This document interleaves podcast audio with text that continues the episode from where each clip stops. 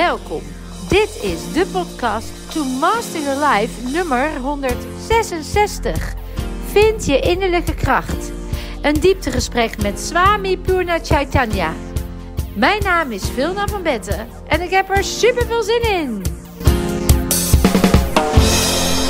Ja, dames en mensen, ik ben nog een beetje onder de indruk, want ik zit hier naast niemand minder dan Swami Purna Chaitanya. En um, ja, niet alleen ben ik onder de indruk vanwege zijn prachtige uitstraling en onze hond die meteen verliefd op hem was, maar ook vanwege dat prachtige verhaal achter jou. Welkom. Dankjewel, Wilne. Ik ben ontzettend dankbaar dat je er bent. Je hebt je mooie boek even aan me gegeven. Die had ik nog niet, die stond op mijn wensenlijstje. Dus dubbel zo blij. Vind je innerlijke kracht? Daar gaan we het natuurlijk over hebben. Um, heel even, ik ben in jouw biografie gedoken. Oh jee. Um, ja, daar ga je al. Um, ik hoor net, je heette ooit Alexander, geboren in Nederland. Ja, precies, in Leiden. Ja, in Leiden zelfs, heel, hier heel dichtbij. En al vrij snel ontdekte je, volgens mij op zesjarige leeftijd, en correct me if I'm wrong, al uh, dat er meer was dan wat de school je aanbood en het leven hier. Uh, ja, nou, ik, ik, ik vind het lastig om het uh, op echt een, een leeftijd te, te, prikken. Maar uh, ja, ik zie mezelf als heel bevoorrecht dat ik een moeder had die ook wel, of eigenlijk ouders die ook wel, ja, om het maar even zo te noemen, vrij bewust leefden. In de zin van allebei psychologie gestudeerd. ook omdat ze wel geïnteresseerd waren in ook wat meer hoe en wat, hoe, hoe werkt de geest. Um, en ook wel spiritueel aangelegd zou je kunnen zeggen. En die zijn tijdens ons studie ook via een vriend hoorde ze daarover een cursus uh, in meditatie gaan doen. Dat sprak ze heel erg aan. Dus ze zijn toen gaan mediteren, uh, zijn op een gegeven moment vegetariër geworden. Um, en toen werd ik geboren en daarna mijn broertje. Dus uh, wij zijn daar ook een beetje mee opgevoed. Niet dat het helemaal anders was, maar bijvoorbeeld wel, ja, vegetariër was toen nog eigenlijk vrij... Heel erg nieuw. Nieuw. Dus ik heb ook, nou, als ik dan na school bijvoorbeeld bij een vriendje ging lunchen of ergens bleef slapen een keer dat de ouders me dan ook soms vroegen van... Uh, ja, maar wat eet je dan? En ik zeg, nou, dan geef je mij de aardappels en de groentetjes... maar dan niet het biefstuk bijvoorbeeld. Ja. Maar je, nee, maar je moet toch iets eten? Ik zeg, ik heb toch die aardappeltjes en die groenten? Ja, maar dat was toen nog heel, heel nieuw. Nu natuurlijk helemaal niet nee. meer. Um, en ik weet ook nog wel dat, uh, dat soms mijn ouders dan uh, even gingen mediteren. Daar kregen we niet heel veel van mee. Maar ja, je wordt nieuwsgierig. En dan op een gegeven moment was het zo van... nou, oké, okay, als jullie dat ook willen proberen... Um, dan kan je gaan zitten met je ogen dicht, uh, stilzitten en dan probeer je nergens aan te denken. Nou, zo werd het dan heel speels een beetje geïntroduceerd. Dus dan soms eens in de week of zo gingen we dan ochtends, uh, op zondagochtend als iedereen vrij was, dan gingen we samen mediteren. Nou, dat was voor ons uh, wel spannend en dan weet ik nog, dan zit je, doet je best en dan na een tijdje ga je natuurlijk vervelen. Dus dan één oog open zat ik te kijken, zit mijn broertje nog stil of niet? Um, en dan op een gegeven moment zat hij ook weer te kijken. En als we dan iets te veel zaten te, te geiten, zeg maar, dan hoorde ik opeens mijn vader bijvoorbeeld even. en dan ging we weer goed zitten. Maar het was dus op een hele, hele speelse manier. Ja. Um, wil niet zeggen dat ik gelijk een expert was in meditatie. Maar het, ja, het, het geeft je wel iets mee. Uh, waardoor ik uh, later ook bijvoorbeeld zoiets had van... nou, ik zou toch eigenlijk wel heel graag willen weten... wat het nou precies is. Hoe werkt het? Uh, en ik ben ook verschillende vechtsporten gaan doen. Want er zit ook dat stukje van hè, hoe leer je hoe je geest werkt. Ja, en dat begon met judo, dacht ik, hè? Ja, als ik het ja, goed heb gelezen. Precies, ja. ja, En toen nog een aantal andere. Uh, en ja, weet je, zagen ook wel eens films, zoals Star Wars en zo... dat hele idee van een meester die dan een, een discipel of een student dan opleidt... van nou, hoe, hoe word je een meester over je geest? Hoe leer je echt je hele potentieel te verwezenlijken... Uh, en ook dat stukje toch dienstbaar zijn, bijdragen, weet je, mm. uh, een stukje opoffering voor het grotere goed. Um, ja, en toen is dat zo, uh, dat is er zo ingeslopen. En voor een deel was het er al. Um, maar ja, dat is dus steeds meer ja, ontwikkeld. Het was eigenlijk. deel van de op opvoeding, een onderdeel. En daar kan je natuurlijk uit plukken of niet. En jou raakte Precies. het dusdanig ja. dat het je echt je aandacht trok om er meer van te weten. Want bij je broer misschien minder of anders. Ja, nou, dat is ook wel... ook wel spiritueel. Maar ja, ik, ik heb dat misschien natuurlijk iets meer nog gehad. Zo van, ik ja. wil echt uh, bijdragen. Dus ja, in die zin ergens heel herkenbaar. Ja. Um, en uh, ja, voor mij, weet je, er waren ook bepaalde dingen dat ik als kind bijvoorbeeld dan s ochtends uh, de buurt introk. En dan eigenlijk de hele dag een beetje rond struinde. En dan weer later in de dag thuis kwam. En dat hele idee al van met zo min mogelijk bezittingen, een knap zakje of zo, de wereld in. Eh, dat, dat sprak me heel erg aan. En of dat nou een oude impressie is uit een vorig leven, dat ik Ja. een monnik was of wie weet. Maar ja, dat was altijd iets heel herkenbaars. En ja, ik had toen niet gedacht dat ik inderdaad uit een koffertje zou leven zoals ik dat nu doe. Nu wel, ja. Maar ik voel me dus wel heel erg thuis. Ik denk, ja, dit, dit is eh, op zich past dit helemaal bij, eh, ja, hoe. Bij de identiteit die hier op aarde in ieder geval in deze verschijningsvorm aanwezig is. ik, ik voel me helemaal thuis. Ja, Ja. in deze vorm. Ja, want je zei net al, eh, toen je binnenkwam... eh, van ja, ik ben op dit moment on tour. Hè, dat, eh, er gebeurt van alles moois. En ik weet eigenlijk nu nog niet waar ik over drie maanden weer ben. Ik heb mijn koffertje bij me en dat is genoeg. Ja. En dat is ook, dus overal maak jij een thuis, want je bent overal thuis. Dat begrijp ik er een beetje uit. Ja, en dat is natuurlijk de kunst. Van nou, je logeert misschien ergens maar één of twee dagen. Dus kan je je dan zo snel al thuis voelen of niet? Als dat niet zo is, ja, dan hou je het niet vol natuurlijk. Nee. Eh, maar als dat wel zo is, en, en dat is natuurlijk heel mooi. Als je waar dan ook, met wie dan ook, toch echt op je gemak kan voelen, thuis kan voelen. Ja, dat is echt vrijheid. Dat is zeker vrijheid. Ja, En dan, je neemt eigenlijk gewoon jezelf mee. Ja. En that's all. Ja dus, ja, dus ik, ik, ben, ik Ja. ben heel goed gezelschap voor mezelf. Ja, dat zou je, dat kun je dus ook heel goed. Ja, En nou, nou zullen er toch heel veel mensen zeggen... ja, nou ja, maar een ander bed. Of eh ja, neemt alle mensen. En eh, die zitten misschien nog in dat stuk van... eh nou ja, dat het daar oordelend of moeilijk. Of hoe heb jij dat bij jezelf ontdekt? Of wat doe je specifiek? Of was het er altijd al? Ehm, nou, het, het is een stukje ook natuurlijk flexibiliteit. Hè? Mhm. In de zin van, zoals je al zegt, ja, misschien heb je soms een kussen wat niet geweldig is. Dus dan word je wat stijver wakker. Of eh, ja, soms heb ik een comfortabel bed, soms wat minder, soms geen bed. dat heb ik ook wel eens gehad. Maar ehm, ik denk dat het toch eh, voor een heel deel, als ik ook naar mezelf kijk bijvoorbeeld. Kijk, ik had al vroeger, zoals ik al zei, dat hele idee van minder is meer trok me heel erg aan. Ik, ik, eh, ik vond het altijd wel wat minder spullen, want het is ook minder gedoe. Maar ik denk ook over de jaren heen, als ik zo terugkijk, heb ik heel veel geleerd. Ook van mijn spirituele leraar, van mijn meester, Sri Ravi Shankar. En van ehm, ja, de, de, de oefeningen, de meditatie, de kennis die ik heb opgedaan. Dat hoewel we gewend zijn, en dat wordt ons ook vaak verteld, dat ons comfort, ons geluk, eh, hè, ons, eh, ehm, ja, dat op je gemak voelen van dingen buiten je afhangt. En dat, Mhm. hè, of dat nou inderdaad een fijn huis is, of je eigen space, of ik noem maar wat.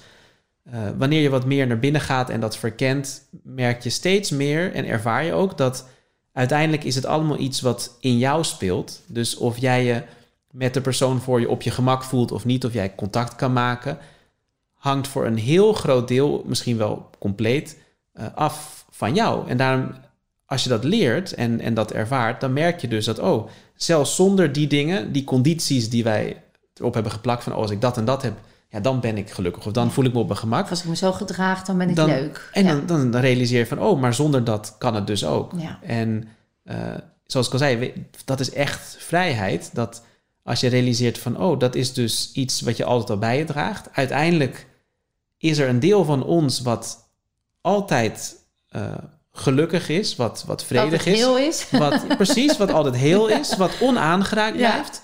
En dat stukje wat tijdloos is, wat eeuwig is, wat, wat puur blijft, daar bewust bij te kunnen en dat bewust te kunnen ervaren En in te zetten. Ja. en in te zetten, is iets wat, wat uiteindelijk, hè, mijn boek heet dan Vindt die innerlijke kracht. Dat is die innerlijke dat kracht. die, ja. En dan zie je dat zelfs al heb je misschien iets heel traumatisch meegemaakt, of zelfs al ben je misschien fysiek niet helemaal meer wat je vroeger was. Hè? Ik bedoel, sommige mensen hebben misschien een ongeluk of een, een ziekte gehad.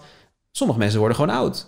Maar vroeger of later zal je toch eh, ervaren dat ja, dit lichaam kan niet meer wat het had gekund of wat je eigenlijk wilde. Ehm, zo kan er ook in je omgeving van alles veranderen. Maar wat jij echt bent is tijdloos, is altijd compleet, is, is heel. ja, En mooi. als je daarbij kan, dan geeft dat je dus een heel ander soort eh, anker en, en rustpunt en eh, ja, een soort van eh, comfort, zou je kunnen zeggen. Waardoor al dat andere, zelfs als het verandert, je dus niet uit je centrum brengt. En Zo mooi wat je zegt, want ehm, wij hebben natuurlijk die neocortex. En daar zitten al die conditioneringen en er zit er celgeheugen en afwijzing en angst voor afwijzing op. En wij hebben zelf, we hadden het net al even over dieren. En dieren die doen niet aan de neocortex. Dus die, mijn hond, onze hond Puk, nu hebben we een pup, maar onze vorige hond Puk, die, dat is een Jack Russell. En ik vertel dat ook vaak in mijn events. Die werd heel vaak aangezien voor een tackle. Oké. En dan zeiden ze, oh, wat een leuke tackle. En Puk, die ging dan net zo kwispelend naar diegene toe. Dus die dacht niet, hi, ik ben geen tackle, ik ben Ja, een. Jack Russell. Ik vind Ja. jou niet meer leuk. Of ik ben bang voor jou. Dus dat vond ik zo inspirerend. Als ik dan naar die honden, hond kijk, en honden of op dieren... ik altijd, ja, dat is gewoon het... Hey, die zijn nog zo in contact met alles wat er is... En die hebben die imprints niet. Dus heerlijk als je daaruit kan putten. Ja. En zij hoeven daar niet veel moeite voor te doen. Wij mogen dat weer leren. Hè? Dat is eigenlijk. Ja, ja, of eigenlijk eh, ja, weer leren Ja. is, is het juiste. Want je Ja, ziet als, als kind hebben we dat nog. Ja, Maar wanneer ja, ons, ons, eh, ja, die verschillende aspecten van ons bestaan, zeg maar, dat, dat stukje eh, nou, ja, bewust worden van jezelf, je kan het ego noemen, of eh, al die conditionering, wanneer dat Ja. meer wordt, ontstaat dat. Want als kleine kinderen heb je dat ook nog, die, eh, hè, een, een baby of, of een, echt een klein kind, die voelt zich ook nog op zijn gemak met iedereen. Ja. En die zal met iedereen in de zandbak gaan spelen. Of het maakt niet uit of je dezelfde taal Nee, spreekt, of je er anders uitziet. Lang, kort, En dan zie je ook, als jij zegt van, oh, je moet niet met die spelen. En dan vragen ze, nou, waarom? Zeg je, nou, die is eh, bijvoorbeeld, ja, dat, die is slecht of die is niet, Ja. niet aardig. En, Ja. Maar dan vragen ze, nou, waarom is die slecht? Dus Mm, die twijfelen mooi. aan het slechte, niet aan het Ja. goede. Terwijl ergens slaat dat om. En dat is ook een stukje natuurlijk hoe we zijn opgevoed. En, maar dan opeens, dan draait het om. Als ik nu tegen jou zeg van, hé, hey, Vilna, ik vind jou helemaal geweldig. Dan heb je misschien zoiets, nou, nee, maar wat moet die van me? Weet je, dat, kan je ook. gaat, Dat of kan ook als iemand zegt, ik, ik hou van je, van nou ja, houdt hij echt van me. Maar als iemand zegt, ik haat je, of ik vind jou eh, vreselijk, dan ga je niet twijfelen, nou, haat hij me echt? Nou, ik denk het niet. Dus we hebben dan ergens is die neiging erin geslopen dat je eigenlijk twijfelt aan het goede Mhm. in plaats van het, het negatieve. Ehm, Ja, dat is de negativity bias natuurlijk. Want Ja. dat is gevaarlijk. Als we niet op onze hoede zijn dat we niet meer bij de groep horen, dan worden we, gaan we eerder dood. Hè? Dus de, de negativity ja, bias maar, is maar je inderdaad... merkt dat, althans dat heb ik ook gemerkt, van Ja. hoe meer je toch weer ja, in je centrum komt en Precies, eh, dan doet het er niet meer toe. precies, dan valt dat weg en dan Ja. ga je dus dingen weer veel meer zien zoals ze echt zijn. Ja. En is de wereld helemaal niet zo slecht? Mensen zijn helemaal niet zo fout. Nou, het, eh, dit is ook mooi wat je zegt, want die negativity bias die gaat vooral aan als je in stress zit of in, in tijden van eh, drukte. Dan kan je ook niet in die stilnis zijn. En dat is Precies. precies waar jouw boek ook over gaat, dat je daar natuurlijk naartoe gaat. Ja, En ik zat net nog te denken toen we begonnen, toen vroeg ik even jouw Nederlandse naam, Alexander. En toen zei je, ja, het is grappig nu je het zegt, want ehm, ik voel die attachment eigenlijk niet meer. Het is, het is just a name. En het is oké, het is helemaal niet goed Ja. of fout. Maar zo ben, was ik in die fase van mijn leven, werd ik zo genoemd. En nu heb je natuurlijk een prachtige, ik ga hem nog een keer zeggen hoor, Purna Chaitanya. ja, Ja, hele ingewikkelde. Ja, en voor jou voelt hij nu veel dichterbij dan Alexander.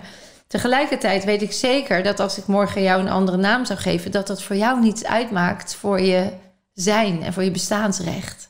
Nee, precies. Het is Dat meer is puur eh, omdat ik ja, die nu elke keer gebruik. Ja, En je, je went eraan. dan wordt het duidelijk voor Ja. de mensen. Ja, maar Ja. Ik, ik weet nog wel dat toen, toen ik die nieuwe naam kreeg van, van mijn leraar, het is een oud gebruik. eh, Als iemand eh, ja, een monnik wordt in die traditie, je- leven wijdt aan Ja, dat het, is dienst, Swami, hè? het dienstbaar zijn. Ja. Ehm, maar wat ik wel merkte is dat in die dagen die erop volgden, ja, toen ging ik dus die meer gebruiken. Dat er ook van binnen wel eh, toch een soort van shift was, omdat ik me realiseerde dat, kijk, een naam is vaak toch een van je diepste impressies van je identiteit. Mm, Eh, hè, daarom heb je als je een, een kamer vol met mensen hebt die liggen te slapen en ik zeg eh veel na, dan word jij wakker, de rest slaapt rustig door. Dus Ja. het is een, he- een hele diepe impressie. En wanneer dat dus verandert, is het alsof je een soort schone lei hebt eigenlijk, een nieuwe blanke pagina. ja. Dat ik me realiseerde dat hoe meer ik me met die nieuwe naam ging identificeren eigenlijk en minder met die oude, dat er dus ook een heel stukje toch oude patronen, impressies eigenlijk eh, ja, eraf gleden. Mooi. Eh, omdat het veel minder blijft plakken. ja, en ook niet meer bij dat stuk hoorde Precies. waar je ooit jezelf mee identificeerde. Ja, dus dat, dat Ja. vond ik wel een hele interessante Mm. ja, realisatie. Ja. Wat houdt dat in, eh, je helemaal dienstbaar stellen ten behoeve van? Wat houdt dat dan in? Hoe leef je dan? Ehm, nou, ik kan natuurlijk voor mezelf Ja, spreken voor jou. alleen. Ja. ja. Ehm, nou, in mijn geval uh, is het zo. Ik, uh, ik had vroeger al zoiets. Ik, ik wilde iets met mijn leven doen. Ja, waar ik toch ook mensen mee kon helpen. En ik wist nog niet precies hoe ik dat vorm kon geven. En ja, in onze moderne wereld is het ook misschien iets minder zwart en wit als vroeger. Uh, ik had helemaal niet gedacht dat het überhaupt nog een optie is om, om monnik te worden of iets in die richting. Um, maar ik was wel aan het kijken, oké, wat kan ik met mijn leven doen waar ik anderen dus op een bepaalde manier mee kan helpen? Ik voelde me eigenlijk al heel tevreden, heel gelukkig. Dus ik had ook niet van, oh, ik wil per se, ik noem maar wat, een huis op Ibiza. Of ik wil topvoetballer worden. Of uh, er is natuurlijk niks hm. mis mee. Maar ik had dus die ambities niet. Ik heb ja, ik voel me eigenlijk al heel tevreden. Maar ik zou graag iets willen doen waar ik mensen mee kan helpen. En ik ben toen na mijn studie uh, naar India gegaan, ook om uh, één of twee jaar vrijwilligerswerk te doen. Uh, en dat kon daar um, ook door de organisatie waar ik deel van uitmaak, de Art of Living. Die hebben ook allerlei ontwikkelingsprojecten, serviceprojecten daar. Ik denk, nou, ik wil eigenlijk wel kijken hoe dat is. In plaats van een beetje in het weekend fulltime daarmee bezig zijn. En dat gaf me eigenlijk heel veel voldoening. Dus ik denk, ja, dit is eigenlijk heel mooi. En tuurlijk, ja, je wordt er niet rijk van. Uh, het is niet eens echt een baan. Maar het is wel iets wat mij toch zoveel uh, geeft. Ja. ja, dat, ik, dat ik eigenlijk dit wil doen met mijn leven.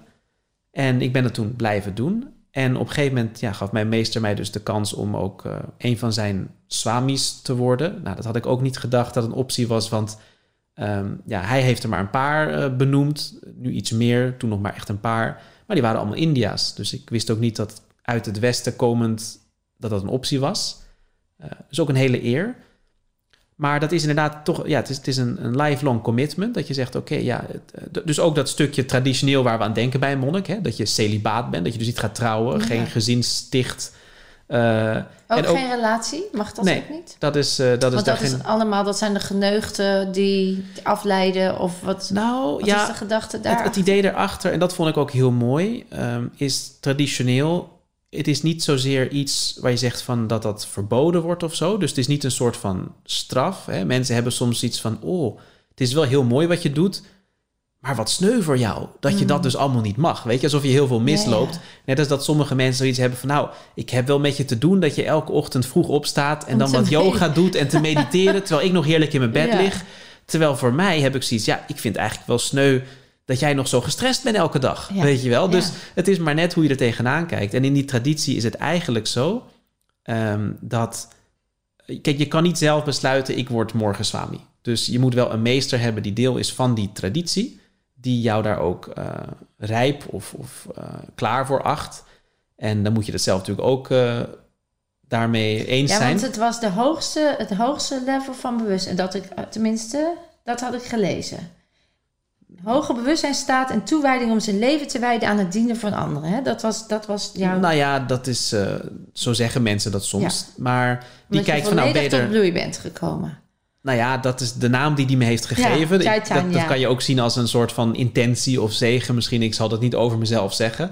Nee, nee, maar dat is dan is, een mooie... Het is, het is, wel heel mooi natuurlijk. Heel mooi. Wiens bewustzijn volledig tot bloei is gekomen. Dus, ja. ja, dus... Um, maar dat is dus het idee van, nou, als, als die jou daar klaar voor acht, voor zo'n leven, dan kan hij je dus inwijden. En dat is dus dat stukje van, kijk, als jij zo uh, content bent eigenlijk, dat je zo tevreden bent, dat je dus niet veel nodig hebt, dan is het dus niet zozeer dat je dat moet laten. Het is meer dat je het dus niet meer nodig hebt. Ja. Um, en dat je dus ook volledig uh, daaraan kan toewijden. Dus voor mij ja. was het eigenlijk een soort van bevestiging dat, uh, want ik, ik voelde me al heel tevreden. Ik heb niet ik had niet zoiets van, oh, ik wil per se, uh, ik wil nog graag een relatie of uh, een, een, huis met van alles of ik noem maar wat. Uh, ik was heel tevreden met mijn koffertje en mijn, en mijn spulletjes. Want heb je wel ooit een relatie gehad? Ja, ja in mijn studententijd en ja. daarvoor ook. Ik bedoel, ja. middelbare school, basisschool en nog had niet jij echt. Toen maar... niet, had jij dan niet... Nee, het was echt wel daarna. Maar had jij dan niet... tenminste, als ik naar mezelf kijk... maar dat is misschien natuurlijk ook allemaal conditionering... is dat ik altijd wel uh, ik voelde wel dat ik dat fijn vond. En niet om me gelukkig te maken. En misschien ook wel omdat ik dacht dat het zo hoorde. Dat kan ik nu niet zo goed terughalen. Maar ik weet wel dat als ik dan voor een vriendje ging, dan dacht ik wel, dit is dan voor de rest van mijn leven of zo. Die intentie had ik dan wel. Nou ja, dat is heel mooi natuurlijk. Kijk, ik heb, ik heb wel vriendinnetjes heb gehad ja. ook. En dat is natuurlijk voor mensen heel interessant. Van, oh, dan wil ik wel weten wat en hoe. Maar ik weet wel dat op een gegeven moment um, merkte ik toch steeds meer. Want het was ook een reis, weet je. Ik was al begonnen met ook dit stukje verkennen. Ehm, ik heb uh, mijn, mijn leraar ontmoet toen ik 16 was. Ik ben toen daarna heb ik wat meer geleerd over meditatie en zo. Ik ben wat meer in die kennis gaan verdiepen. Nou, nog ook wel vriendinnetjes gehad en zo. En dat was heel erg leuk. Maar ik weet nog wel, die laatste tijd, ook tijdens mijn studie bijvoorbeeld, op een gegeven moment had ik zoiets van: ik voel me eigenlijk al heel, ja, heel vervuld. Um, En het klinkt misschien heel fout, maar ik heb toen op een gegeven moment had ik zoiets van: nou, dan wil ik toch voor de zekerheid, want nog even kijken van: nou, is het nou echt zo of is het gewoon een idee? Dus uh, toen ben ik wel weer een relatie aangegaan. En niet dat ik er iets tegen had. Het was ook heel gezellig. Maar ik weet nog wel dat zij op een gegeven moment ook aan mij vroeg van... Zat ze naast me op de bank. En uh, weet ik veel, we zagen elkaar weer na twee, drie weken. Het was vakantie geweest of zo. En toen zei ze tegen me van... Ja, het lijkt wel alsof het jou helemaal niks uitmaakt of ik er ben of niet. Ja. En ik denk van ja, als ik heel eerlijk ben, is dat zo. En dat is niet dat ik, dat ik haar niet mocht, maar ik was gewoon zelf ook al heel tevreden. En op een gegeven moment zei ze ja, ben je een soort van monnik of zo? Nou ja, nu dus wel. Nu je het zegt, maar, zei je toen. nee, maar ik had dus wel... Ik heb er nooit iets tegen gehad. Maar ik had wel heel sterk uh, toch ook die behoefte dat ik zeg... Ja, ik wil graag toch ja, op misschien iets, iets grotere manier iets bijdragen. Ja. En ik heb ook in die tijd ook al hoor, mensen ontmoet die misschien heel mooi werk deden... maar dan bijvoorbeeld bijna nooit thuis waren. Dus ik had een, een goede vriendin en haar moeder deed ook allerlei mooie projecten en zo... maar die was bijna nooit thuis. En al jaren en dat, dat vonden ze toch heel jammer, weet je. Dat was toch niet helemaal in balans, zeg maar. Dus ik had heel sterk zoiets van... kijk, als je een relatie aangaat... en of je nou een gezin hebt of niet... dan is dat ook een commitment. En dan, dan vind ik, dan moet je dat ook gewoon doen. Um, en omdat ik dus niet die behoefte voelde... ik voelde niet dat er iets miste of, of iets, iets leeg was. Of denk, ja, dan heeft het... Uh, geeft het me wel veel meer vrijheid als ik dus uh, geen relatie heb. Want dan kan ik gewoon ja, de hele wereld over of wat er te doen, wat er te doen is, zeg maar. rekening mee te houden. Dus je hoeft ook niet... Nee, je bent in die zin, je hoeft niet over, over jezelf na te denken. Je kan je gewoon helemaal geven, zeg maar, daarvoor. Dus, um, nou ja, en toen op een gegeven moment mijn meester mij dus die, die mogelijkheid gaf ook om uh, dit pad in te slaan eigenlijk, was het voor mij eigenlijk ook een hele mooie bevestiging dat wat ik eigenlijk al zo voelde, uh, dat dat ook klopt. Voor, in ieder geval voor dit leven. En uh, dat is dus ook, denk ik, toch een stukje. Um, ja, wat, wat heel mooi is als je iemand hebt die je daarin begeleidt, die dat overzicht heeft of die die kennis heeft. Want ja, je kan wel zelf besluiten, maar ja, wie weet dat je een aantal jaar later toch uh, niet op je gemak voelt. Terwijl nu heb je iemand van, nou, als die echt uh, een goed idee heeft, heb je een veel grotere kans dat, oké, ik zit op het goede pad. Want anders had hij misschien wel gezegd van, nou, jij nee, maar Ga jij maar terug naar Nederland? Of uh, een relatie is, is, is ook goed voor jou. Noem maar wat. Want ik heb er niks tegen. Hij heeft er ook niks tegen. Nee. Ik bedoel, soms zegt hij dat ook tegen mensen. Maar. Um, nou, het klinkt alsof je dus echt heel eerlijk durfde te zijn naar wat je van binnen wist en voelde. En wat natuurlijk heel vaak overroeld wordt door de conditioneringen en door de normen. En, uh, ja. en jij, dat vind ik ook wel lef, dat je dan en naar binnen gaat, weet. Ja, ik vind je heel erg lief en leuk en mooi. En voor mij is het niet een necessity of omdat het moet, dat het nu dus ook gebeurt. En er was een groter gevoel, dat zei ik wil me toewijden aan iets mooiers. En dan doe ik jou ook tekort. Hè? En dat, ja, dus op een gegeven moment heb ik ook heb die relatie beëindigd. En dat vond ze wel heel jammer. Maar toen zei ik ook, ik zeg van ja, want dit is niet eerlijk tegenover jou. Want jij verwacht toch uh, iets in mij te zien. Of het nou een, ja. ja. een commitment of passie of van ik kan niet zonder je. En ja, dat kan ik ook niet faken, wil ik ook niet. Nee. Dus um, ja, dus zo ben ik een beetje zo ingegroeid. En daar heb ik eigenlijk nooit uh, ook geen spijt van gehad. Nee, dat snap ik. Gelukkig. Is en ik denk ook dat het dan is, dan is het ook gewoon omdat het klopt. En niet omdat het hoort, wat je net het wordt niet opgedrongen. Precies. Of, ja. Het is gewoon omdat het zo voelt. Ja. En de een die voelt daar die dedication in. En had het heel sterk in dit stuk. En dat heb je gevolgd. Dus dat is echt heel prachtig. Um, als je kijkt naar wat jij doet, hè, dat zijn hele mooie uh, dingen. Je, je, Dankjewel. Ja, echt impressive. Grote groepen, veel met meditatie, heling, ademhaling. Je ziet natuurlijk ook prachtige dingen gebeuren. Daarmee schijnt het licht ook sneller, wat nu zo hard nodig is. Um, wat is volgens jou de reden dat er op dit moment zoveel leed en ziekte is? Nou, of ziekte is misschien niet het goede woord, maar zo noemen we het in het Westen. Ja, nou kijk, ik weet niet of we zomaar één reden kunnen benoemen. Er zijn allerlei dingen die eraan bijdragen en dat kan je op allerlei uh, vlakken benoemen. Hè. Je kan gewoon praktisch zeggen, nou, we eten een stuk minder gezond, er zit veel meer chemicaliën in de grond en uh, weet je, de lucht is minder schoon, het water is minder schoon, onze levensstijl is veel hectischer, stressvoller, we zitten veel meer, we bewegen minder. Dus je kan al die dingen wel noemen, maar uiteindelijk is, is lijden eigenlijk iets van alle tijden. Weet je, in sommige opzichten hebben we het veel comfortabeler dan onze grootouders en onze voorouders. Dus of het nou fysiek, mentaal of emotioneel is, uh, die uitdagingen zijn er altijd geweest. En ik werd me er ook wel van bewust. Denk van ja, je kan alles hebben, maar als je dat niet leert, van hoe ga je om met die geest, met je emoties. Met tegenslag, met. ja, dan, dan is er geen uh, garantie dat je echt comfortabel of gelukkig zal zijn. Hoeveel geld je ook verdient of hoeveel status je ook vergaart of wat dan ook. En voor mij was dat echt ook een drive om dat dus te verkennen. En uiteindelijk uh, was ik op zoek naar iets authentieks. Ik heb dat gevonden. Ik ben daar ontzettend dankbaar voor. Ben daar helemaal voor gegaan. En ik heb ook steeds meer uh, ingezien dat dus ook in die hele oude geschriften uit die tradities van yoga, van Ayurveda, van mantra's, meditatie, dat er hele oude praktische technieken, tools, oplossingen, inzichten zijn die nog net zo relevant zijn, of misschien zelfs nog meer, nu meer dan eeuwen of millennia geleden. En ja, in die zin uh, voelde ik me ook helemaal op mijn plek van ja, ik heb nu iets gevonden wat ik, uh, waar ik mensen mee kan helpen, wat ontzettend praktisch is, wat voor iedereen is. Uh, ja, en wat ik graag wil delen. En dat ben ik dus aan het doen. En het is fascinerend om te zien hoe, ja, dus eigenlijk hele natuurlijke, simpele dingen toch zo'n impact kunnen hebben. Hè? Ja. zegt ook al op, op, op helend niveau, of het nou fysiek of mentaal of emotioneel is. En ja, soms hebben we daar ook echt hele extreme voorbeelden van. Ik bedoel, we doen ook programma's in gevangenissen met, met soms echt high security prisoners of, of hele zware criminelen of terroristen. Of... En als je ziet hoe die kunnen transformeren, ja. puur door dat stukje, gewoon ook praktisch hoe ze hun stressen, trauma's en andere dingen los kunnen laten. Ja, dat is echt ontroerend. En dat je mm. mensen hebt die, die op je afstappen en zeggen: Weet je, als ik dit tien jaar eerder als het op mijn pad was gekomen, dan had ik hier niet gezeten. Ja. En ook mensen die zeggen: nu kan ik eindelijk echt verantwoordelijkheid nemen voor wat ik heb gedaan. En Met kan ik het vermogen wat ik toen had. Ja, ja en kan ik mm. ook nu echt beloven dat ik het, of zeggen dat ik dit niet weer zal doen. Het weten, ja. Omdat heel veel mensen toch, als je kijkt naar, naar echte, ja, uh, dus ja, criminaliteit of zeg maar als iemand iemand heeft vermoord of, of nou, wat dan niet heeft gedaan, dan is dat toch vaak in een moment van, van woede of angst of frustratie of wat dan ook. Dus dat moment zijn ze ook niet helemaal in controle. En dan kan je wel zeggen, ja, besluit je op. Ja. En het is de bedoeling dat je het niet weer doet. Nou, voor 30 jaar maar omdat er toch, uit, Ja, maar er was toch een moment van onmacht. Ja. En dat brengt ook een soort van trauma met zich mee. Zeker. Want dat betekent van ja, als je er niet helemaal bewust voor hebt gekozen, ja, wat, wat voorkomt dan dat het weer gebeurt? Mm. Weet je, misschien als, de, als, als ik weer zo boos word... of me zo in het nauw gedreven voel of gefrustreerd, wat dan ook...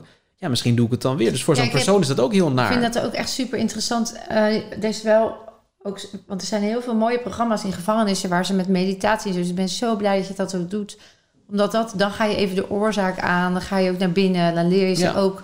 Want ik heb ook uit onderzoek gelezen dat bijvoorbeeld uh, mensen die tot dat soort daden overgaan als moord en verkrachting, dat zijn echt beschadigde zielen, die nooit gecorrigeerd zijn en ook nooit geleerd hebben hoe het dan wel moet. En wij zijn natuurlijk gewoon geconditioneerde wezens die copy-paste doen. En als je dus niet uh, gecorrigeerd, dus nu ook zo'n documentaire op Netflix, de, de, de Damermoord of zo, die jonge jongen die al heel snel begint met het ontleden van dieren en dat wordt op een gegeven moment naar mensen en en hij wordt dus elke keer niet gepakt door de politie. Dus dat corrigeert hem niet.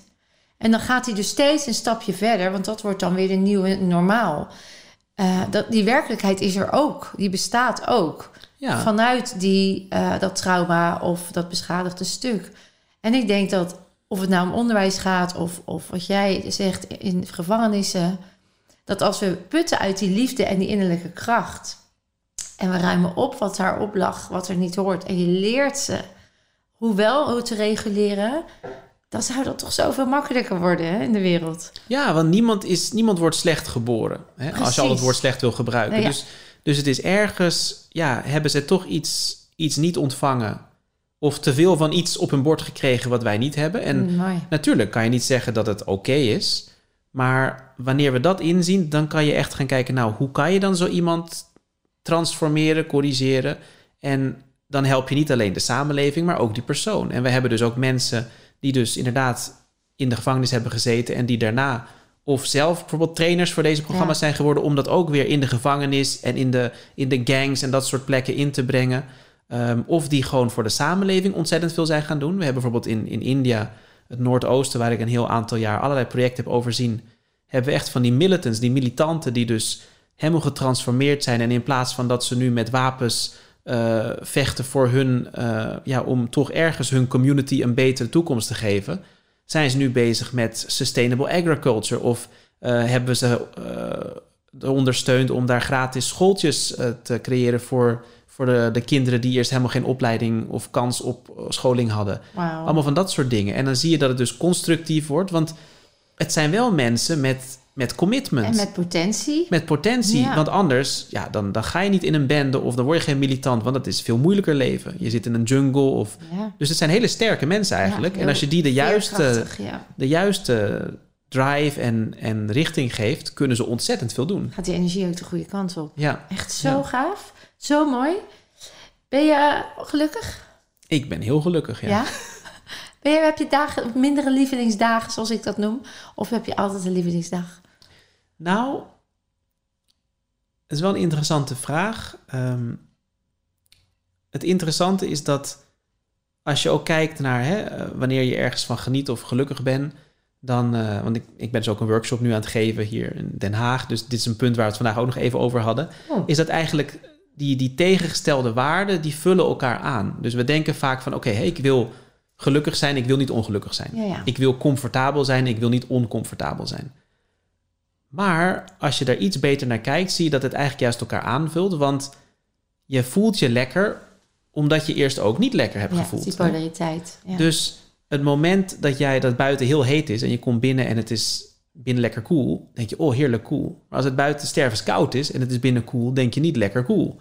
Nee, Dus wel jammer dat het waardoor niet warm voel je is. nou zo goed? Is Ja. dat doordat het koel is of omdat het buiten warm was?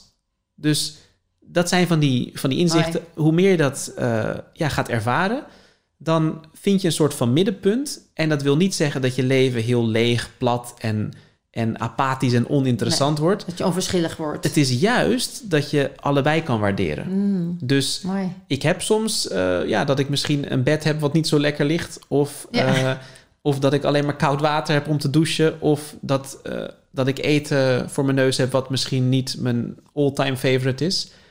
Maar dan kan je dat ook waarderen. Mm. En wat ik toch eh, steeds meer heb mogen ervaren, en daar ben ik ontzettend dankbaar voor, is dat dat ware geluk is iets wat, ja, wat in jezelf zit. En wanneer je dat kan loskoppelen van situaties en mensen, dan kan je dus onvoorwaardelijk gelukkig zijn. En ik heb het in mijn boek ook eh, een beetje beschreven, dat er vindt dan een hele subtiele verschuiving plaats eigenlijk. Dat in plaats van dat je je leven leeft als een zoektocht naar geluk en dat nastreeft, ga je dan je leven steeds meer leven als een uitdrukking van geluk. Mm, ja. Dus je doet Ja, dan niet die dingen hem. om gelukkig te worden, Nee, maar je kan het doen terwijl je al gelukkig bent. Ja. En dan kan je dus eigenlijk overal van genieten. exact dat. Dat is ook heel mooi gezegd. En ehm, dus die dualiteit valt eraf. Het oordeel valt weg. Ja, Eh, ja je gaat de dualiteit eh, eigenlijk ja, meer de- waarderen. Ja, Dus- de, de, polari- ermee de spelen. polariteit, eh, die is er gewoon. En Ja, dus dan ga je ermee spelen. Echt,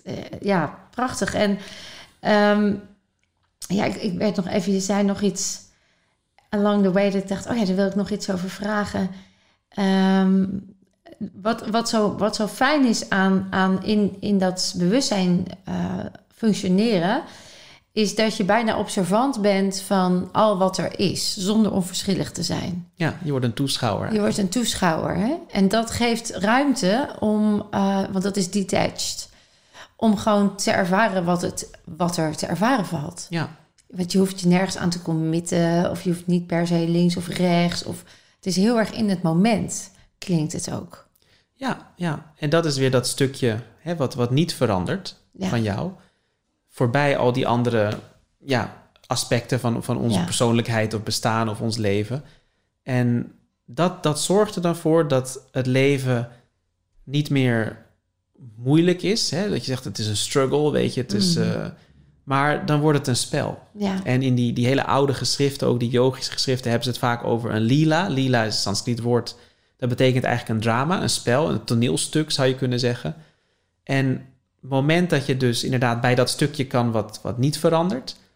eh, en dat bewust gaat ervaren steeds meer... dan zie je inderdaad van, oh, het, speelt zich allemaal af. En ja, soms is het eh, interessant, soms is het wat minder interessant... Ja. soms is het wat je hoopte, soms is het wat anders... En soms is het dus nog beter dan wat je dacht.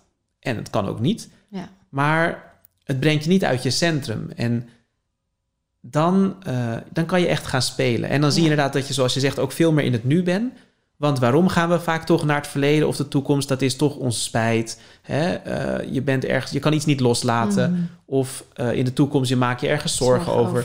Terwijl als je ziet, hè, wanneer we dromen bijvoorbeeld, hè, je hebt misschien een hele nare droom en je wordt wakker, maar het moment dat jij realiseert, oh, het was maar een droom, dan geven we er helemaal geen belang meer aan. Dus die impressie op. blijft ook niet plakken. Vaak eh, weet je een, een uur of twee uur later al niet meer wat je droomde.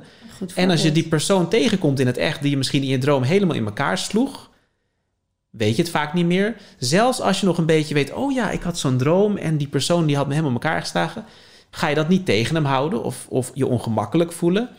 Je gaat misschien wel naar hem toe en met een, met een glimlach van, hey, weet je, ik had zo'n bizarre droom. Je had me helemaal in elkaar geslagen. Mm. Maar dus al dat, die, die lading erachter, die zit er niet. Nee. Als je het je al herinnert. Mm. Terwijl in het, in het echte leven In het wakkere leven. als, je, als iemand alleen al verkeerd naar je kijkt of niet glimlacht wanneer je dat hoopte of iets niet erkent, dan kan het je zo raken of kan je zo ongemakkelijk voelen. En het enige verschil, wat mensen toch vaak moeilijk vinden om te accepteren, maar dat is zo, is dat wij er zoveel belang aan hechten. Mhm. Want Dat we het echt maken. ja, nou ja, dat, Ja. dat zeggen, oh, dat is dus, dat is heel, ja, maar dat is echt of dat is. ja, dat is echt. Dus terwijl, lading. en dan kan je zeggen, nee, maar dat andere is een droom. Ja, dus maar, ervaar ik het niet. Maar het zijn dezelfde ervaringen neurochemisch ook, hè? ja, ja, precies. Alleen je kan we huilend wakker worden. we het Of, een droom noemen, zeggen we, eh, dan is het niet echt. nee, en, Maar in ons systeem is het allemaal net zo echt. Want je kan ook badend in zweet wakker worden. Precies, ja. Van een of huilend of of lachend. huilend. Of, ja. Nee, en, en op, je kan dan zeggen, nou ja, oké, in, het, in het echte leven dan. Hè, stel op straat, loop, je loopt op straat en iemand aan de andere kant die, die schreeuwt iets naar je toe van hey eikel of idioot. Of, Ja. Nou, over het algemeen ben je daar niet door gekwetst. Je denkt misschien, nou, misschien ziet hij me voor iemand anders aan. Of eh, misschien is hij dronken, hè, Mhm. die zal wat, wat op hebben of zo. En tegen de tijd dat je thuis komt, heb je het, ben je het vaak alweer vergeten. Maar als iemand thuis of op kantoor zoiets tegen je zegt, je staat. komt dat zoveel binnen. Mhm. En dat is dus het enige verschil. Daar hecht je heel veel belang aan. En dit is dus ook een, een trucje of een inzicht uit de yogische geschriften... dat heel veel van onze impressies, onze gedachten... Hè, die worden sterker doordat wij er Door meer belang aan hechten. die we geven. Precies. En hoe meer jij je inziet dat dit, het leven ook eigenlijk als een soort van droom is... wat er gisteren is gebeurd, is er niet meer Nee. hoe geweldig of hoe naar het ook was, als je dat echt gaat inzien en voelen, Mhm. dan word je al zoveel vrijer van die impressies, die emoties erachter, eh, al die chemische eh, processen in je lichaam. Maar daardoor moet het wel, je moet het wel helder hebben en je moet het ook gaan ervaren. Want alleen als Ja. een concept Nee. werkt het niet. Want dan wordt het een, dan wordt het een cognitieve keuze. En Ja. het is het, wat ik zo mooi vind, is dat het een, een droom is een state of consciousness.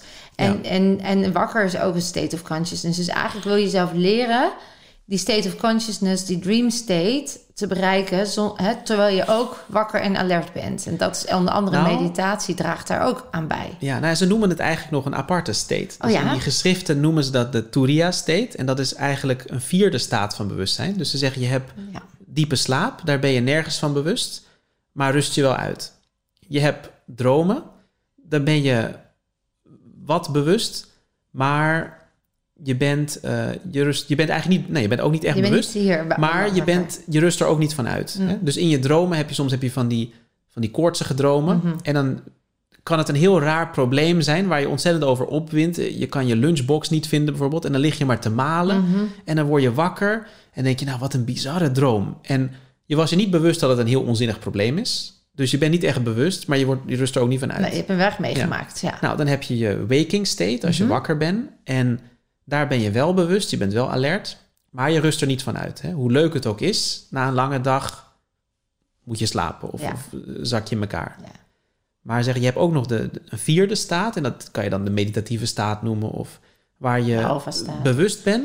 Ja, Maar je rust ook heel diep uit. En dat is dus eigenlijk dat toekijken. En het bijzondere is dat dit een, een kwaliteit is of een staat die, wanneer je dat steeds meer bewust gaat ervaren, en oefenen. dat die eigenlijk die andere drie staten, ehm, ja, hoe zeg je dat? Het permeates. Dus het, het, eh, het, het verspreidt zich door al die staten. En dan kom je op een punt waar je dus eh, bewust bent in al die staten. Dus ook Ja. nu in de wakkere Ja. staat heb je nog dat stukje toeschouwer. En dan word je dus ook veel minder moe. Je Ja. bent veel meer in het nu, want je blijft niet zo plakken in het verleden en de toekomst. Nou, maar zelfs in je droomstaat Ja, ook. ja, dat en is zelfs in je diepe slaap. Dat is wat ik be- bedoel ook. Hè? Noem het welke staat de naam ook. Dat je bewust gaat worden van het gevoel wat je kan hebben als het je niets doet. ja. En het gevoel, de sensatie dat het je wel raakt. En als je daar als observant die vierde staart naar kan kijken, dan kun je gaan kiezen. Dan kun je bewust dat ook loslaten. Ik, ik, toevallig zag ik, of niet toevallig, een, het laatste een filmpje of iets waarin iemand zei: eh, Je hebt vier fasen en het lijkt ook. eh life become. eh, life go, eh, leven gaat by me. Hè? Dus het Ja. is. eh, dan ja, ben je het nog gebeurt je. ja, nog in de victimship en, en, en- Ja. en alles wat eh, alles door mij Overkomt en alles door mij eh, gaat fout. En, en dan heb je eh, life becomes at me. Dan, eh, dan neem je. Nee, eerst is het at me, dan overkomt het me. Dan by me, ik neem al verantwoordelijkheid. Dan through me. Het gaat through mij, dus ik- het leven gaat door mij heen. Dan ben je meer al die observant. Dan heb je ook nog... Hoogste was dan volgens mij, maar oeh, correct me if I'm wrong, to me. Dus dan komt het gewoon allemaal naar me toe. Dus dan hoef ik het niet meer te doorleven, maar dan is het er gewoon. Ik geloof dat dat de hoogste staat. Dus ik weet niet helemaal meer zeker. Dus Maar iets in die richting. Iets in die, maar het is een beetje hetzelfde principe. Ja. En Ja, waar zit je? Hè? Waar zit je? Ja, ja, dat zie je bij heel veel mensen die... eh, ja, je hebt zoiets, je hebt het gevoel dat het je allemaal overkomt... en je voelt je heel machteloos eigenlijk. Totdat je gaat realiseren dat... oh, weet je, dit is iets wat in mij gebeurt eigenlijk... hoe ik me voel. En Ja. daar kan ik van alles aan doen. En dan ga je verantwoordelijkheid nemen. En ja, nog een stapje verder... dan realiseer je dat... dat er eigenlijk niet iets is wat je echt doet. Het is iets wat, wat plaatsvindt. En jij bent een soort van toeschouwer. Dus dan doe je dat stapje eruit eigenlijk al. Dus dan ga je er niet eens echt meer mee bemoeien omdat het niet meer blijft plakken. Dus als je dan, als Ja. iemand iets naars zegt, hoef je daar niks mee te doen, want ja, het komt niet echt binnen. En ja, als je nog een stapje verder gaat, ik, heb, weet natuurlijk niet wat jij daar hebt gezien, Ja. maar ik kan wel eh, vanuit mijn Ja. belevingswereld eh, kan ik daar nog een stapje aan toevoegen, waar je realiseert dat dat het allemaal in jou gebeurt of en dat je dus niet eens meer eh, toekijkt, maar dat het allemaal een deel van jou ja, is. dat was dat je in een eenheid zit. Ja, ik kan Ja. alleen het woord niet meer, maar precies dat was Ja. het. Ja. Heb jij nu, doordat je dit zo doorleeft en elke keer herhaalt en, en voelt, en het, het is eigenlijk nu in your embodiment al, is dat als jij geraakt wordt, als dat al überhaupt gebeurt, dan merk je dan ook dat je dan die stappen doorloopt bij jezelf? Is dat voor jou een moment van contemplatie? Ehm, nou, heel veel dingen gaan eigenlijk ja, steeds meer vanzelf. Weet je, Mhm. zoals ik al zeg, het is een stukje training. Eh, je, je leert je bewustzijn of eh deconditioned eigenlijk je Ja. bewustzijn om dus ja, bepaalde dingen zo op te nemen. Dus het blijft steeds minder plakken en op een gegeven moment blijft het niet meer plakken. En ja, misschien kan je het een beetje voorstellen als, als je een, een, een spiegel hebt bijvoorbeeld. Een spiegel kan van alles weer spiegelen. Maar er gebeurt niks met die spiegel. Dus of jij nou iets schoons of iets heel vies voor die spiegel houdt, die spiegel blijft schoon. Dus op dezelfde manier, hoe meer jij in dat, in dat stukje, bij dat stukje van jezelf komt en dat ervaart wat onaangeraakt blijft, dan kan er dus van alles gebeuren. Soms heb je pijn, fysiek. eh, soms ben je mentaal in een situatie waar het, eh, waar het heel stressvol kan zijn. Of soms krijg je allemaal emotionele lading over je heen. Maar dan is het eigenlijk dus iets wat, ja, wat door je heen stroomt. Mhm. Of waar je dus toch nog naartoe kan kijken, Ja. naar, naar kan kijken. En dat brengt je dan dus niet uit je centrum. En eh, een voorbeeld wat, eh, wat vaak wel mooi is ook in deze context is... omdat mensen zeggen, ja, maar je kan toch niet ten alle tijden bewust zijn dat het allemaal maar één is? Of, want hoe functioneer je dan in die dualiteit? Maar het is, als jij weet, eh, en dat is een voorbeeld dat ik wel vaker noem... je weet dat de zon er is, want dat hebben we elke dag Ja. gezien, al heel lang. En we hebben ook geleerd hoe dat werkt. Dat die rond de aarde gaat, of de aarde rond de zon eigenlijk. Eh, maar dus, dus als het nacht is, is hij niet weg. Je kan hem alleen even niet zien. En dat is dusdanig een weten geworden voor ons. Het is een ervaring en ook een begrip. Dat zelfs als het nu tien dagen bewolkt zou zijn, dat je de zon niet ziet, Zeggen we dat we ons niet zorgen gaan maken. Nee. Oh, is de zon er nog wel? Of hè, eh, ga, waar is die heen? Nee, je weet, die is er. Zelfs als ik hem een jaar niet zie, is die zon er nog steeds. Dus dat is zo'n diep weten dat er helemaal geen twijfel over is. En op dezelfde manier hebben we, iedereen heeft van die momenten dat je je heerlijk voelt. Dat je je helemaal op je gemak voelt. Dat je je vrij voelt. Dat je je veilig Ja, voelt dat je je geliefd voelt. ja, precies. Dus we hebben van die glimpses tussendoor. En de een eh, is zich daar meer van bewust dan de ander. Maar wanneer je steeds meer, en daar helpen die technieken ook heel erg bij, dat bewust gaat ervaren, dat je dus eh, ook het stukje begrip, dat je dus weet inderdaad, oké, wat gebeurt er, wie ben ik echt, jouw ware natuur, maar ook dat stukje praktisch, dat je dat ervaart, dan krijg je steeds meer dat in plaats van dat je zegt, nou, hè, ik heb een heel druk leven, maar als ik mijn meditatieretraite doe, of als ik 's ochtends op mijn yogamatje zit, of als ik even eh, hier zit of daar zit, dan voel je even fijn. Maar dan heb je vaak alweer zeggen mensen, oh, maar dan zometeen moeten we terug naar huis. Weet je, naar de echte wereld, Mm. Ja, ja, echte hoe leven. werkt het dan hoe hou je dat vast? Ja. Want hier voel ik me heerlijk en helemaal verlicht. Mhm. Maar dan ga ik terug naar die andere, nou ja, om maar even shit te noemen. Stress. En dan is alles weer die, die oude zooi. Maar je zal merken wanneer dat steeds meer eh, een bewuste ervaring wordt, kom je op een punt dat er een verschuiving plaatsvindt waar jouw basis of jouw echte realiteit niet dat stressvolle, beperkte identiteit is met al die andere stuff eromheen, maar dat stukje wat puur onaangeraakt een toeschouwer is en wat zo vol liefde en vreugde en, eh, ja, en, en, en, en, die ware natuur is. En wanneer die verschuiving plaatsvindt, omdat het zo'n diep weten is, Ja. dan merk je dat Zelfs... er nog zoveel wolken komen, je Ja. weet altijd dat het er is. Dus zelfs als Ja. jij je op dit moment in een situatie bevindt die heel stressvol is, of je je even niet zo goed voelt, weet raakt het je niet van Nee. binnen, omdat zelfs als ik er nu even niet bij kan, als ik het nu niet even helemaal kan voelen, weet ik dat dat wel mijn echte natuur is. en dan word je echt ja. een beetje bulletproof. Nou, niet een Ja. beetje. Want dan kom je dus in een situatie dat je zegt, ja, dat, wat er allemaal gebeurt, je, je kijkt dat hele drama aan, je, Mm. je speelt ermee, eh, je doet je ding, maar op een dieper niveau is er dat hele diepe weten Ja, dat van... Prachtig. De diepere niveau is ook... Ja. De, de- wat ik ook wel eens daarin benoem... en dat, dat linkt heel erg aan wat je zegt... is als je in de spiegel kijkt... realiseer je dan dat achter jouw spiegelbeeld... jouw prachtige, allesomvattende potentiële ik... die staat daar gewoon. Die staat er wel, maar die is Ja. door jouw perceptie... Of je het ziet of niet, of je het nou leuk vindt of niet. Precies. Maar die is er wel. Die is er wel. Dus als je leert door dat perceptievlak heen te kijken achter die werkelijkheid en je maakt die quantum leap ook, dus je stapt er werkelijk zo af en toe eens in als oefening. En hoe voelt dat dan? Om daar weer helemaal te zijn, hè, in die zon, Ja. bij wijze van spreken. Dan train je ook dat dat steeds meer de werkelijkheid wordt waarvan je weet dat die er altijd is. En dat zijn allemaal mooie metaforen. Ik vind die van die zon echt fantastisch. Ja, Eh, omdat dat zo, daar twijfelen we nooit over. En als je dat bij jezelf mag gaan ontluiken, Ja. een oefening baart kunst. Nou zeggen mensen wel eens, ja, lekker als monnik, want dan zit je lekker de hele dag op een berg. En dan heb je niet al die stress. Dus ja, dan kan ik het ook. nou ja, ik, ik, eh, ik zou het ook waarschijnlijk heel leuk vinden op een berg te zitten, maar dat is dus helemaal niet de het realiteit. beeld, nee.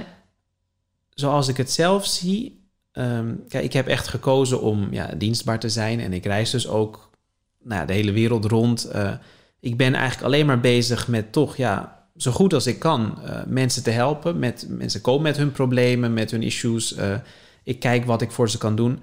Ik kan lang niet altijd iedereen helpen met alles. Ehm, en dat is ook waar deze kennis zo waardevol is. Want ja, soms komen mensen naar je toe en ze zitten misschien in een, in een huwelijk wat heel abusive is. eh, you know, waar ze mishandeld worden. Of sociaal zitten ze in een situatie. Of eh, medisch zijn ze terminaal ziek of wat dan ook. En je kan niet alles fixen. Je kan niet gewoon maar zeggen, nou, ga maar mediteren en everything will be okay. Dus tuurlijk, ik, ik geef ze de inzichten en de, de technieken of de dingen waarvan ik denk, nou, hier kan ik ze zo goed mogelijk mee helpen. Faciliteren. Ehm, maar soms kan je mensen niet helpen. Soms zitten ze in een situatie. Soms willen ze niet geholpen Ik bedoel, ik heb vrienden nu, ik heb over de hele wereld. Ja, en er zitten mensen in, in Oekraïne of in Rusland of in Iran of in plekken waar het echt heel moeilijk is. Ehm, en dan is de kunst om uh, te doen wat je kan. Ja. Maar toch ook weer, daar is die kennis en die technieken zo waardevol, dat je ook, omdat je dat stapje terug kan doen, dat het, uh, dat het niet blijft plakken. En dat is dus weer niet een, een desinteresse, maar toch ook dat stukje inzicht dat op één niveau, ja, zijn er allemaal problemen in de wereld. Op een ander niveau zijn we toch deel van een groter geheel. En dat is een, een, een play en display van datzelfde, ja, dat, deze hele creatie, zeg maar. Ja. Dat het je dus niet uh, naar beneden brengt. Want anders is het soms heel lastig als je echt met mm. mensen werkt. En er zijn zat mensen die ontzettend mooi werk doen.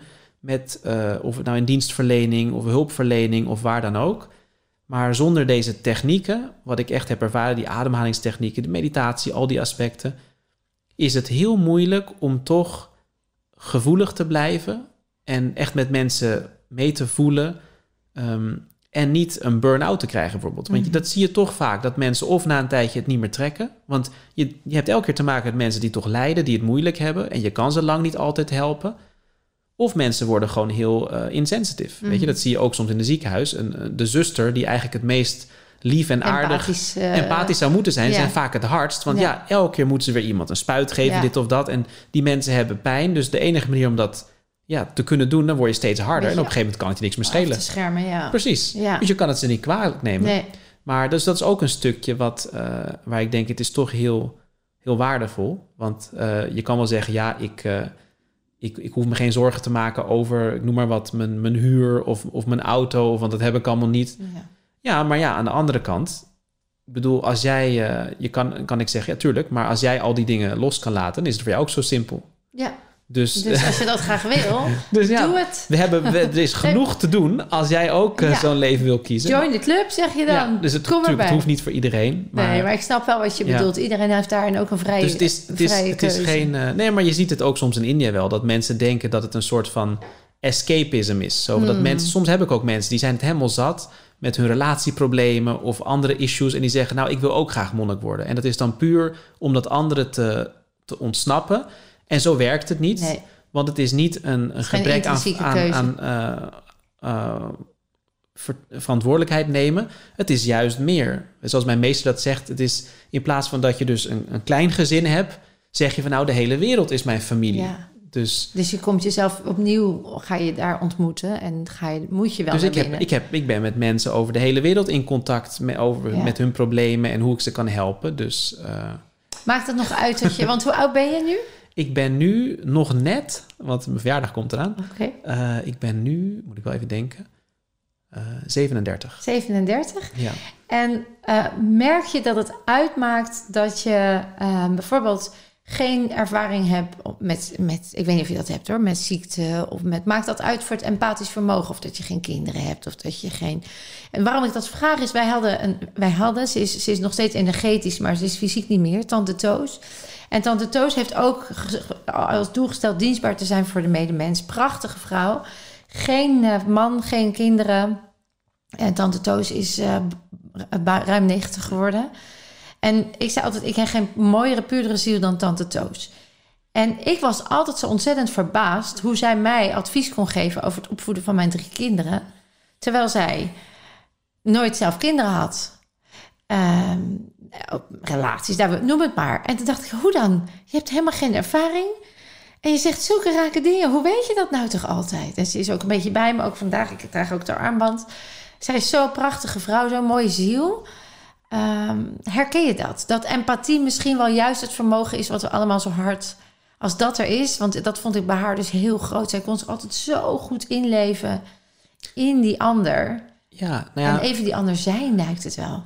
Ja, nou ja, kijk, mijn meester die heeft ook een keer zei die heel mooi. Hij zegt, uh, mensen die uh, nou, niet zo wijs of uh, intelligent zijn, zeg maar, die leren niet, zelfs niet van hun eigen fouten en ervaringen.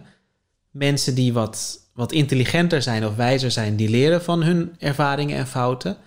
En mensen die echt wijs zijn, die kunnen ook van de ervaringen en fouten van anderen leren. Hmm.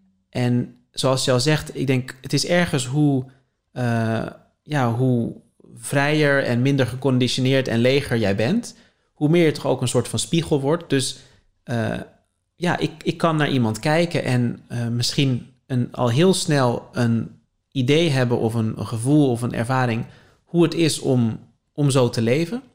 En ja, op die manier kan je mensen dus ook daarin begeleiden. Ja. Ik bedoel, dus. Uh, en het is ook weer dat stukje. Kijk, het moment dat jij, hoe meer jij inzicht krijgt in hoe ons bewustzijn werkt, onze geest werkt. Ja, dan, dan weet je dus waarom mensen de dingen doen die ze doen. En misschien waar ze tegenaan lopen. En dan is het dus veel makkelijker ja. om daar de vinger op te leggen. En uh, dat zie ik dus ook weer met mijn leraar. Dat, dat voorrecht om een, een levende meester te hebben die je. Want als iemand dat helemaal, helemaal door heeft hoe die dingen werken, is het veel makkelijker om vooruitgang te boeken op iets wat zo uh, ja, toch abstract en nieuw is als ja, leer bijvoorbeeld hoe je bewustzijn werkt of, of hè, hoe, mm. hoe het leven werkt. Dus dat bespaart je gewoon heel veel gedoe. Want iemand kan zeggen, nou oké, okay, als je daar tegenaan loopt, ga dan rechts of links of doe nu dit. Of dat is niet de juiste route of dit zit zo en zo. Uh, net als dat als jij medicijnen gaat studeren, kan je in zes jaar een heleboel leren. Waar ja. mensen eeuwenlang research op hebben gedaan. En je hebt zo'n hele materia medica.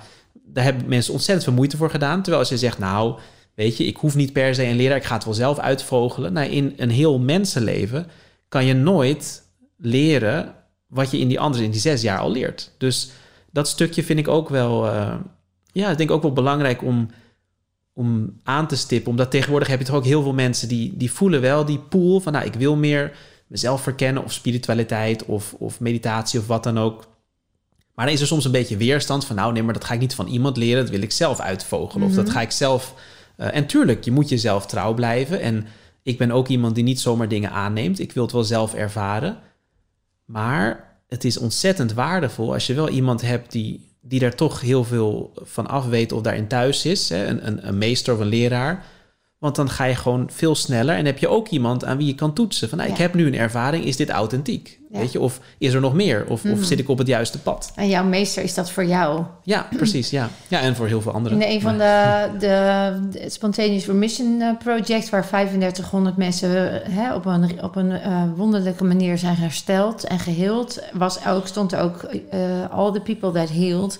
Uh, waarvan ze waren opgegeven, die hadden ook een soort, some kind of a provider. En dus iemand die al wist hoe healing werkte. Of die, ja. En dat, um, dat is natuurlijk de kennis die we ook al eeuwenlang overdragen aan elkaar. Precies. En inmiddels hè, weet ik dat we energetisch is alles één. Dus we kunnen ook informatie downloaden. Ja. Mits je weet hoe je dat weer doet. Hier, ik had gisteren bezoek van iemand. Ja, die kon informatie downloaden van, de, van Jezus. Uh, ja, prima. Als die informatie waardevol is. En uh, ik vind het hartstikke mooi dat je dat vermogen, dat je daarin kan tappen. Ja. En dat je vervolgens dat weer kan delen als dat voor mensen weer naar het licht brengt of helend werkt. Dus ik, ik ben het heel erg met je eens. Het is een, er zijn zoveel in, ingangen en mogelijkheden. Het begint bij de eerste stap en ervaar wat je ja. ervaart. En kijk eens wat dat al brengt. Ja, ja prachtig. Wauw, ik, ik had nog een heel lijstje. Ik, ik, uh, ik ga naar de volgende rubriek. Want ik... Um, ja, nog, nog, één, één, nog één vraag voordat ik naar de rubriek ga. Je hebt zoveel meegemaakt al in je 37 jaar. Wat is het meest bijzondere... of het meest aardige dat iemand ooit voor jou heeft gedaan? Dat is wel een hele moeilijke.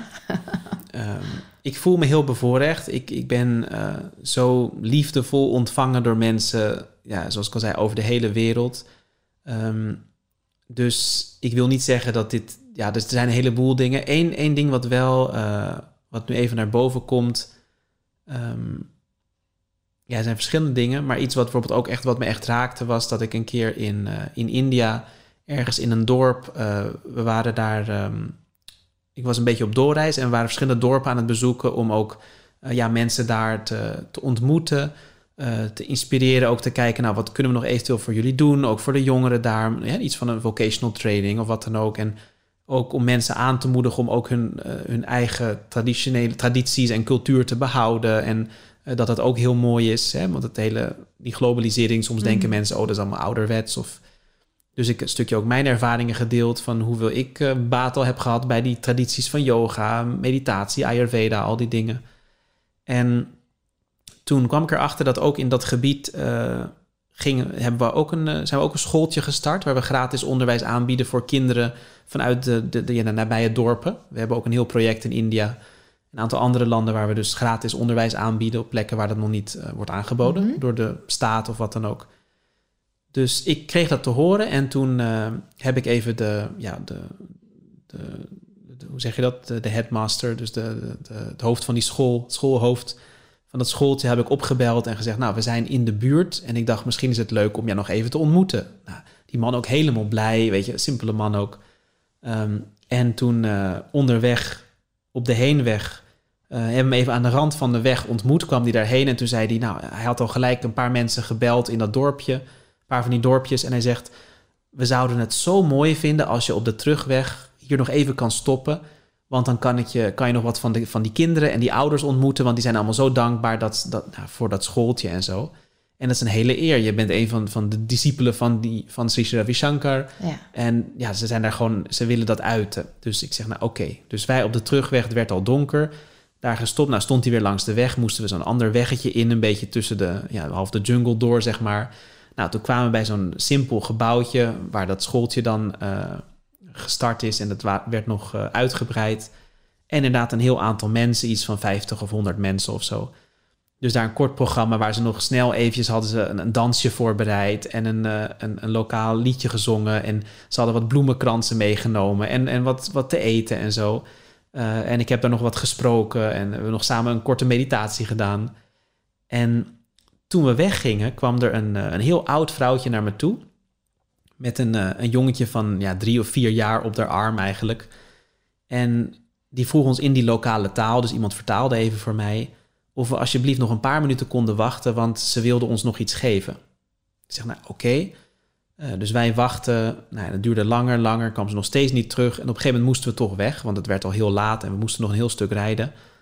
Dus toen besloten we toch weg te gaan. En toen onderweg, uh, opeens in het donker op dat, dat jungle-weggetje, zien we opeens voor die, ja, onze koplampen dat kleine jongetje midden op de straat staan met handen zwaaien. Nou, dus wij de auto gestopt. En we kijken om ons heen. En ja, dat jongetje is alleen. Waar is die, die oma nou? Ja. Dus wij kijken en toen zagen we dat er uh, aan de rand van die weg, dat was een soort van, uh, ja, een soort van heuveltje was het. Dus naast de weg was er een paadje naar beneden en daar beneden was een huisje. En toen zagen we dat oude vrouwtje, die kwam dat, dat weggetje op. Dus die woonde daar blijkbaar. En dat jongetje die was daar gepositioneerd om ons tegen, te houden. Mochten we, ja. Dus dat oude vrouwtje komt aan en toen kwam ze aan met een pompoen. En toen, uh, nou, iemand vertaalde wil voor mij. En toen wilde ze mij dus heel graag die pompoen geven. En toen legde ze uit, ze zegt... Ik wist niet dat jullie zouden komen, dus ik was helemaal niet voorbereid. Maar ze was zo dankbaar. En ze zegt, ja, het is ook onze cultuur... dat als een, ja, een eer, eerbiedig, eerbiedige gast komt... dan kan je die niet met lege handen weer naar huis uh, laten gaan. Dus ze wilden heel graag iets aanbieden, maar ja, hele, hele simpele mensen. Heel, heel, ja, ze hadden helemaal niet veel. Weet je, heel, ik zou bijna arm zeggen, maar arm klinkt zo negatief. maar, dus ze hebben heel weinig. Dus ze zegt, uh, ze was het hele huis door aan het zoeken, maar ze had eigenlijk niks om te geven. En uiteindelijk zag ze, nou, ze had die pompoen. Nou ja, dus ze zei, nou, dan wil ik je graag die pompoen geven, want ja, dat kan je in ieder geval eten, weet je, daar kan je wat mee. En dat is eigenlijk alles wat ik nu in huis heb. Nou, dat was natuurlijk, dat, dat raakte me zo. En toen heb ik nog gezegd van, ja, nee, maar Weet je, dat is ontzettend lief, maar dat hoeft helemaal niet. Weet je, we hebben genoeg te eten. En als dit jouw enige iets is nu in huis, hou het alsjeblieft zelf. Maar ze stond er echt op. En ja, ik heb ook geleerd, hè, als iemand je echt iets aanbiedt, dan neem je het aan. Of je er nou wat mee kan of niet. Want je wil ze niet de kans ontnemen om hun dankbaarheid of, of mhm. eh, vrijgevigheid te uiten. Maar dat raakte me wel echt. Dat ik denk van nou, iemand die naar onze maatstaven zo weinig heeft. En die dat dan toch met zoveel liefde wil geven puur omdat je de moeite hebt genomen om daar te zijn. En nou ja, voor het werk dat, dat, dat we dus daar doen. Voor jouw verschijning alleen al. Ja, geef ze alles. Dus dat was ja, toch, uh, mooi. ja, dat was ontzettend mooi. Ja. En zo ben ik op allerlei plekken door mensen met, met zoveel liefde ontvangen of behandeld. Of uh, weet je, dus uh, ik het kan gaat dan heel erg boek over schrijven. en delen. Hè? Dat is natuurlijk ook de essentie, maar dat, dat komt dan daar zo tot maar het is recht. echt, dat is, dan zie je zo sterk diep echt die menselijkheid. En, en Valt ik denk van, alles nou, weg. ja, ik Ja. denk van, kijk, dat is die ergens heel puur. Ik denk van, nou, dan kan je zeggen, we hebben het hier zo ontzettend goed. Maar Mhm. ik denk van, nou, als dat er is, dan, dan ben je eigenlijk al zo rijk. Weet je, ik bedoel, als, als jij zo'n kwaliteit van binnen Ja. hebt, wat zegt dat over jouw belevingswereld? Prachtig. Ja. Ja, mooi. Nou, ik ga je keuzestress geven hoor. Daar gaan we. Kijken hoe het zit met je ja. mindful... eh, Oh, moet ik nu gaan kiezen? Of ja, ja, daar ga je. Hoe werkt dat dan? Nou, ik geef je... Oh, sorry. Ik geef je twee keuzes. En dan moet ik er één En kiezen. dan moet je er één kiezen. En als ik niet Dus wil gaan even de kiezen... dualiteit in. Ja, dan eh, doe je niet mee met het spel. Oké, oké. Nou ja, hit me. Ja, ja, Bring ik hit you. Ehm, aards of multidimensionaal? Dat is niet makkelijk ook. Mhm. Ehm, aards. Celibatair of verbinding? Nou, voor mij is het juist... Celibatair is heel erg verbinding met jezelf. Maar eh, ik kan natuurlijk nu niet voor, niet voor celibatair kiezen. Dan kom ik in de problemen. dus verbinding. Adem in of adem uit? Adem in. Vrijheid of Ik veiligheid? zou het eigenlijk allemaal toe willen lichten. Maar Ja, dat, mag zal ik je laten. Nee, hoeft niet. Wat was de vraag? Eh, vrijheid of veiligheid? Vrijheid. Gelukkig of gezond? Gelukkig. Zelfrealisatie of zelfliefde? Zelfrealisatie. Doen of zijn? Zijn. Zweethut of ijsbad? IJsbad. Zelfbewustzijn of ego? Zelfbewustzijn. Naïef of onbevangen? Oh, dat is wel interessant. Ik weet niet helemaal wat je onder onbevangen bedoelt, maar het klinkt wel heel mooi. Laat ik voor de onbevangen gaan. Geloven of zien? Geloven. Therapie of zelfredzaam? Zelfredzaam. Puur natuur of natuurlijk? Natuurlijk. Regulier of complementair?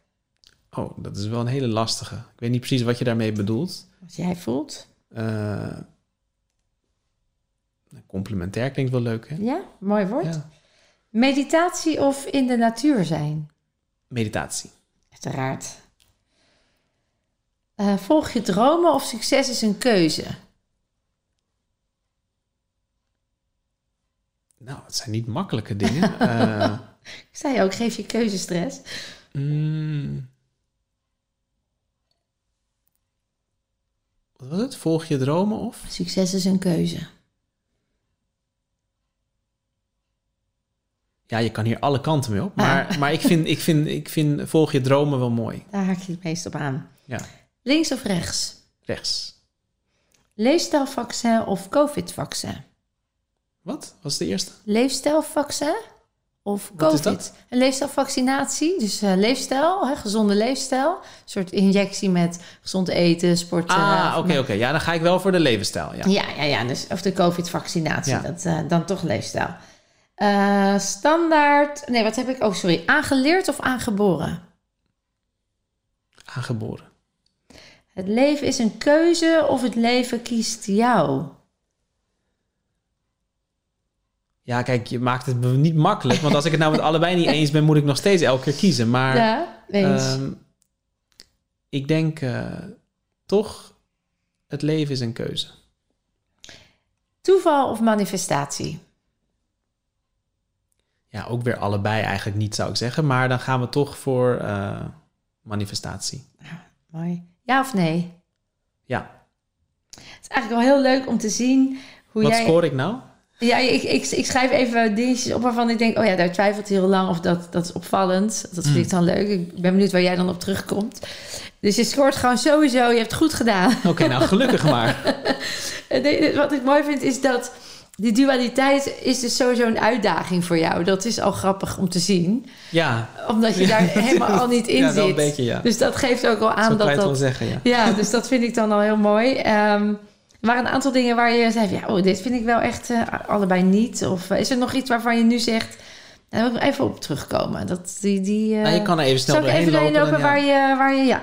Ehm, ik zelf was even verwonderd, of verwonderd. Ik vroeg me gewoon af, adem in. Is dat specifiek met een reden? Ja, Kun je die toelichten?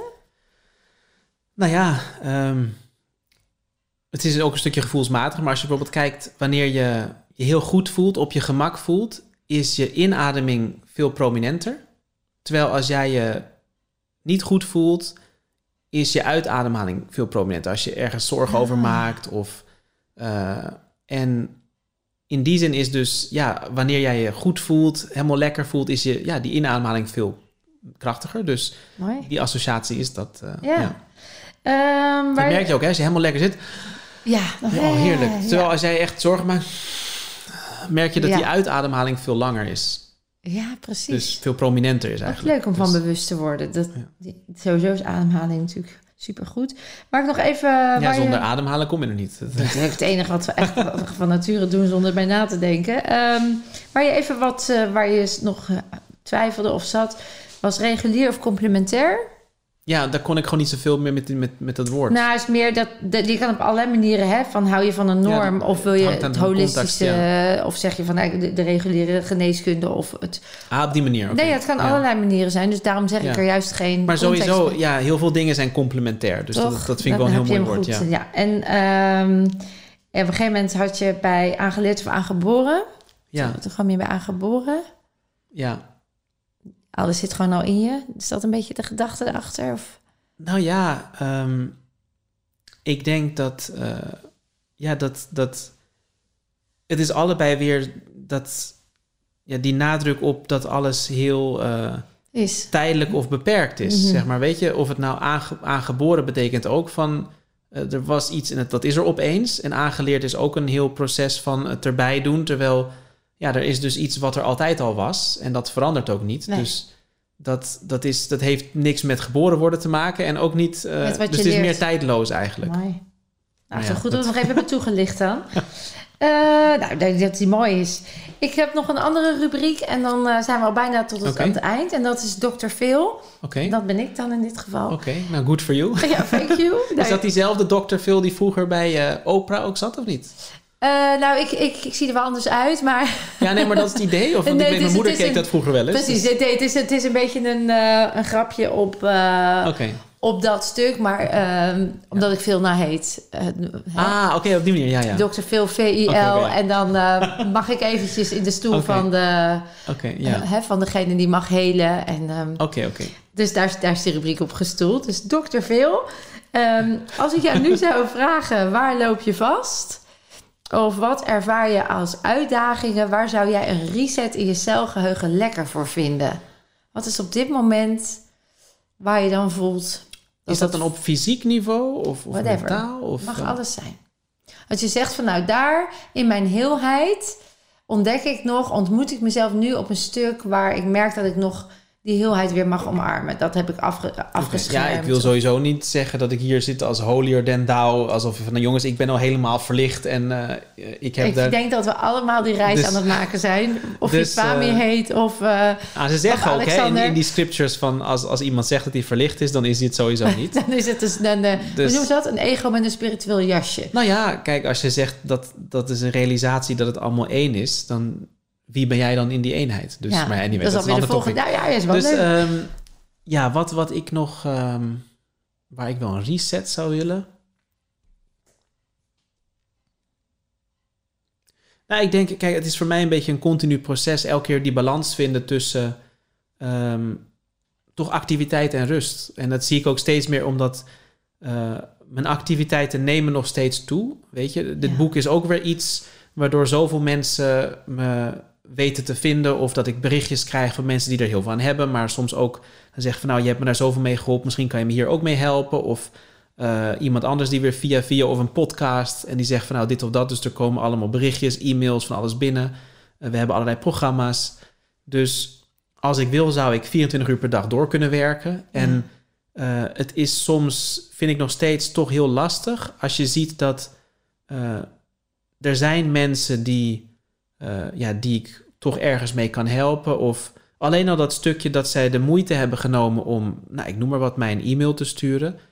Dan heb ik wel heel erg zoiets van, als, als iemand daar de moeite voor neemt, of een, een berichtje op Instagram of zo, dan wil ik dat niet zomaar links laten liggen. Ik denk, nou, als iemand de moeite neemt om mij dat te sturen. Te geven. En, en toch ook dat vertrouwen heeft in mij ergens, in iets dat ze me iets willen vragen. En dat zijn vaak hele persoonlijke dingen ook. Mm.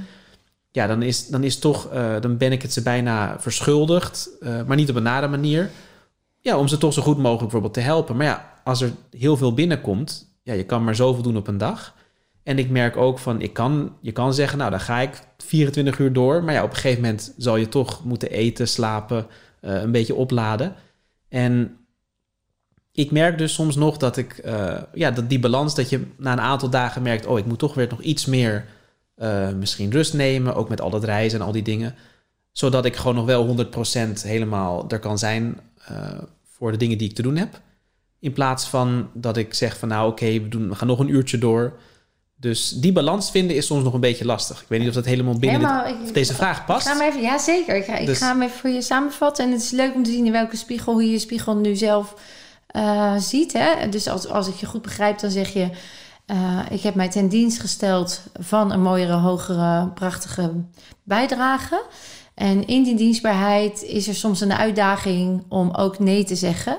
Als iemand de moeite heeft genomen ja, of om, gewoon uitstellen dat ik zeg: Oké, okay, het is nu 11 uur, ik ga nu naar bed. Ja, of niet de laptop meteen. dicht. Is dat het dan niet meteen te kunnen nee, precies. reageren? Ja, dus dat je zegt: van nou, dan, dan de rest kan ook morgen. Ja, precies. Dat, ja. dat, dat, dat, dat ja. uitstellen is dan een uitdaging omdat daar ook nog, en dat zeg je niet helemaal in die woorden, maar ik, ik hou hem gewoon even tegen je aan als die spiegel. Omdat er dan ook nog iets van, uh, als iemand zoveel moeite voor mij heeft gedaan, dan voelt het bijna, geen verplichting, maar het, niet het woord, maar dat ik toch iets terug moet doen.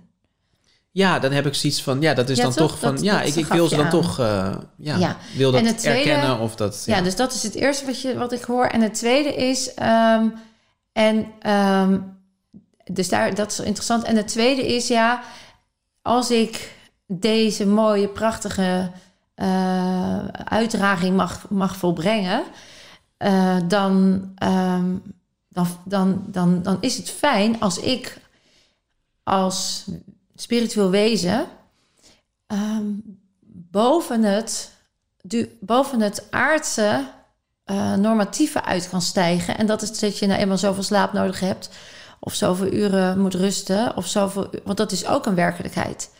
Dus het zou natuurlijk te gek zijn als je in een werkelijkheid zou kunnen staan waar je het en allemaal kan en niet vermoeid raakt. En, nou ja, dat is even een leuke ja. suggestie. Zou die bestaan? Zou er in jou iemand een, nog een versie zijn achter dat spiegelbeeld die het op die manier dan zou willen en kunnen? Nou ja, ik, ik denk eerlijk gezegd, weet je, als je zegt van nou, als dat nou ook een optie is, maar ik denk juist dit stukje is is juist heel belangrijk om ook te leren. Want natuurlijk, hè, je hebt een lichaam, dat heeft zijn beperkingen. Hè. Je moet op een gegeven moment wel iets eten of iets van rust doen. Of ja, er wat. zijn mensen die leven maar, prana. Ja, maar daar moet je ook weer van alles voor doen. Dus dat is, dat is ook niet iets nou, dat je... Ja, bedoel, ik, ik heb ook ja. zulke soort mensen ontmoet, hoor. Ja. En, maar uh, zelfs dan, weet je, je moet op een gegeven moment... moet je misschien toch wel slapen... of je moet daar bepaalde oefeningen voor doen... of het nou ademhalingstechnieken zijn of andere dingen. Oké, okay, maar je praat dus, nu alsof het over mij gaat. Ja, nee, maar zeg ik, maar... Je. Ja, ik ga even spiegelen. Dat ja. is even leuk. Nou, even in mijn, in dus, mijn vak, mijn rol. Als je maar, bij ik houdt, zeg ja. je vanuit ik. Ik moet slapen, ik moet... Nou, nee, in de zin van... Uh, zeg maar alles wat ik doe... Hè, aan, aan die activiteiten... Tuurlijk, je, ik doe wat ik, wat ik kan doen op een bepaald niveau... maar op een ander niveau is het, zoals ik al zei... het is allemaal maar een spel. Dus ja. als je het uh, te serieus noemt, neemt ergens is dat lastig. Want maar ja, het houdt nooit op. In de zin van zelfs als je 24 uur door kan werken, zullen er altijd wel meer mensen zijn. En er is genoeg te doen in de wereld. Dus dat is ook de kunst om dus uh, je 100% te geven, maar dus zonder die attachment ook. En dat stukje doership, hè, van, van ik doe het. En dat je laat ontstaan wat er te ontstaan heeft en dat het dus helemaal goed is. Precies. Dus dat is de. Daar dat zit hij. En, en, de, en de, waar je dan in de celgeheugen de reset op zou kunnen gebruiken. Als je hem dan zou in deze mooie transformatie mm -hmm. zou hem nog zitten in het stuk. Want schuld is een lage trilling, hè, is een lage energie. Dus een schuldgevoel is altijd een, een uh, identificatie mm. met een afwijzing van jezelf. Of ik ben ja. niet goed genoeg, of ik moet het beter doen. vanuit een oordeel, wat ooit is geweest. Uh, dus dan zou je kunnen zeggen, op het moment dat je ehm, de vrijheid wil voelen, dat je en vertrouwt op het feit dat het altijd komt zoals het komt en binnen het vermogen kan zoals het kan. Jij het oké, er oké mee bent als het dan inderdaad morgen, overmorgen of volgende week is. Precies, ja. Ja, dus daar, daar zouden, die zouden er dan inschuiven. Dat zou dan de manifestatie zijn van het gewenste. En het oude stuk zou je dan lekker los mogen laten, ja. omdat het niet meer dient. Herken je die? Nou ja, dus dat is wat ik soms bewust uh, uh, eens in de zoveel tijd, als ik dan realiseer van oké, okay, uh, nu is het, bedoeling, zeg maar, nu is het bijvoorbeeld tijd om te slapen, ik noem maar wat. Ja. En als ik dan soms nog denk van oh nee, maar eigenlijk zou ik nog dan dat. Maar dan is er weer even dat stukje reflectie van nee, maar weet je, het is ook helemaal oké zo. En dan stap je er weer uit. Dus dat, als dat, dat stukje doership erin kruipt, zeg maar, dat je dat dan ook weer dat je hem uh, bewust loslaat. herkent, erkent en daarna handelt. En dat lukt je al steeds beter, hoor ik. Dat gaat. Ja, ja, dus het is eens in zoveel tijd van... En dat is, dat is heel leuk, weet je. Zo speel je ermee. Zo van, ja, oh, en in, wat, wat wij dus doen in een reset... is dat proces een beetje versnellen. Dan eigenlijk omdat er geen tijd is... en slechts een imprint ergens gebeurt... nou, dat hoef je allemaal niet uit te leggen... dan gaan we eigenlijk naar die imprint... in die gebeurtenis...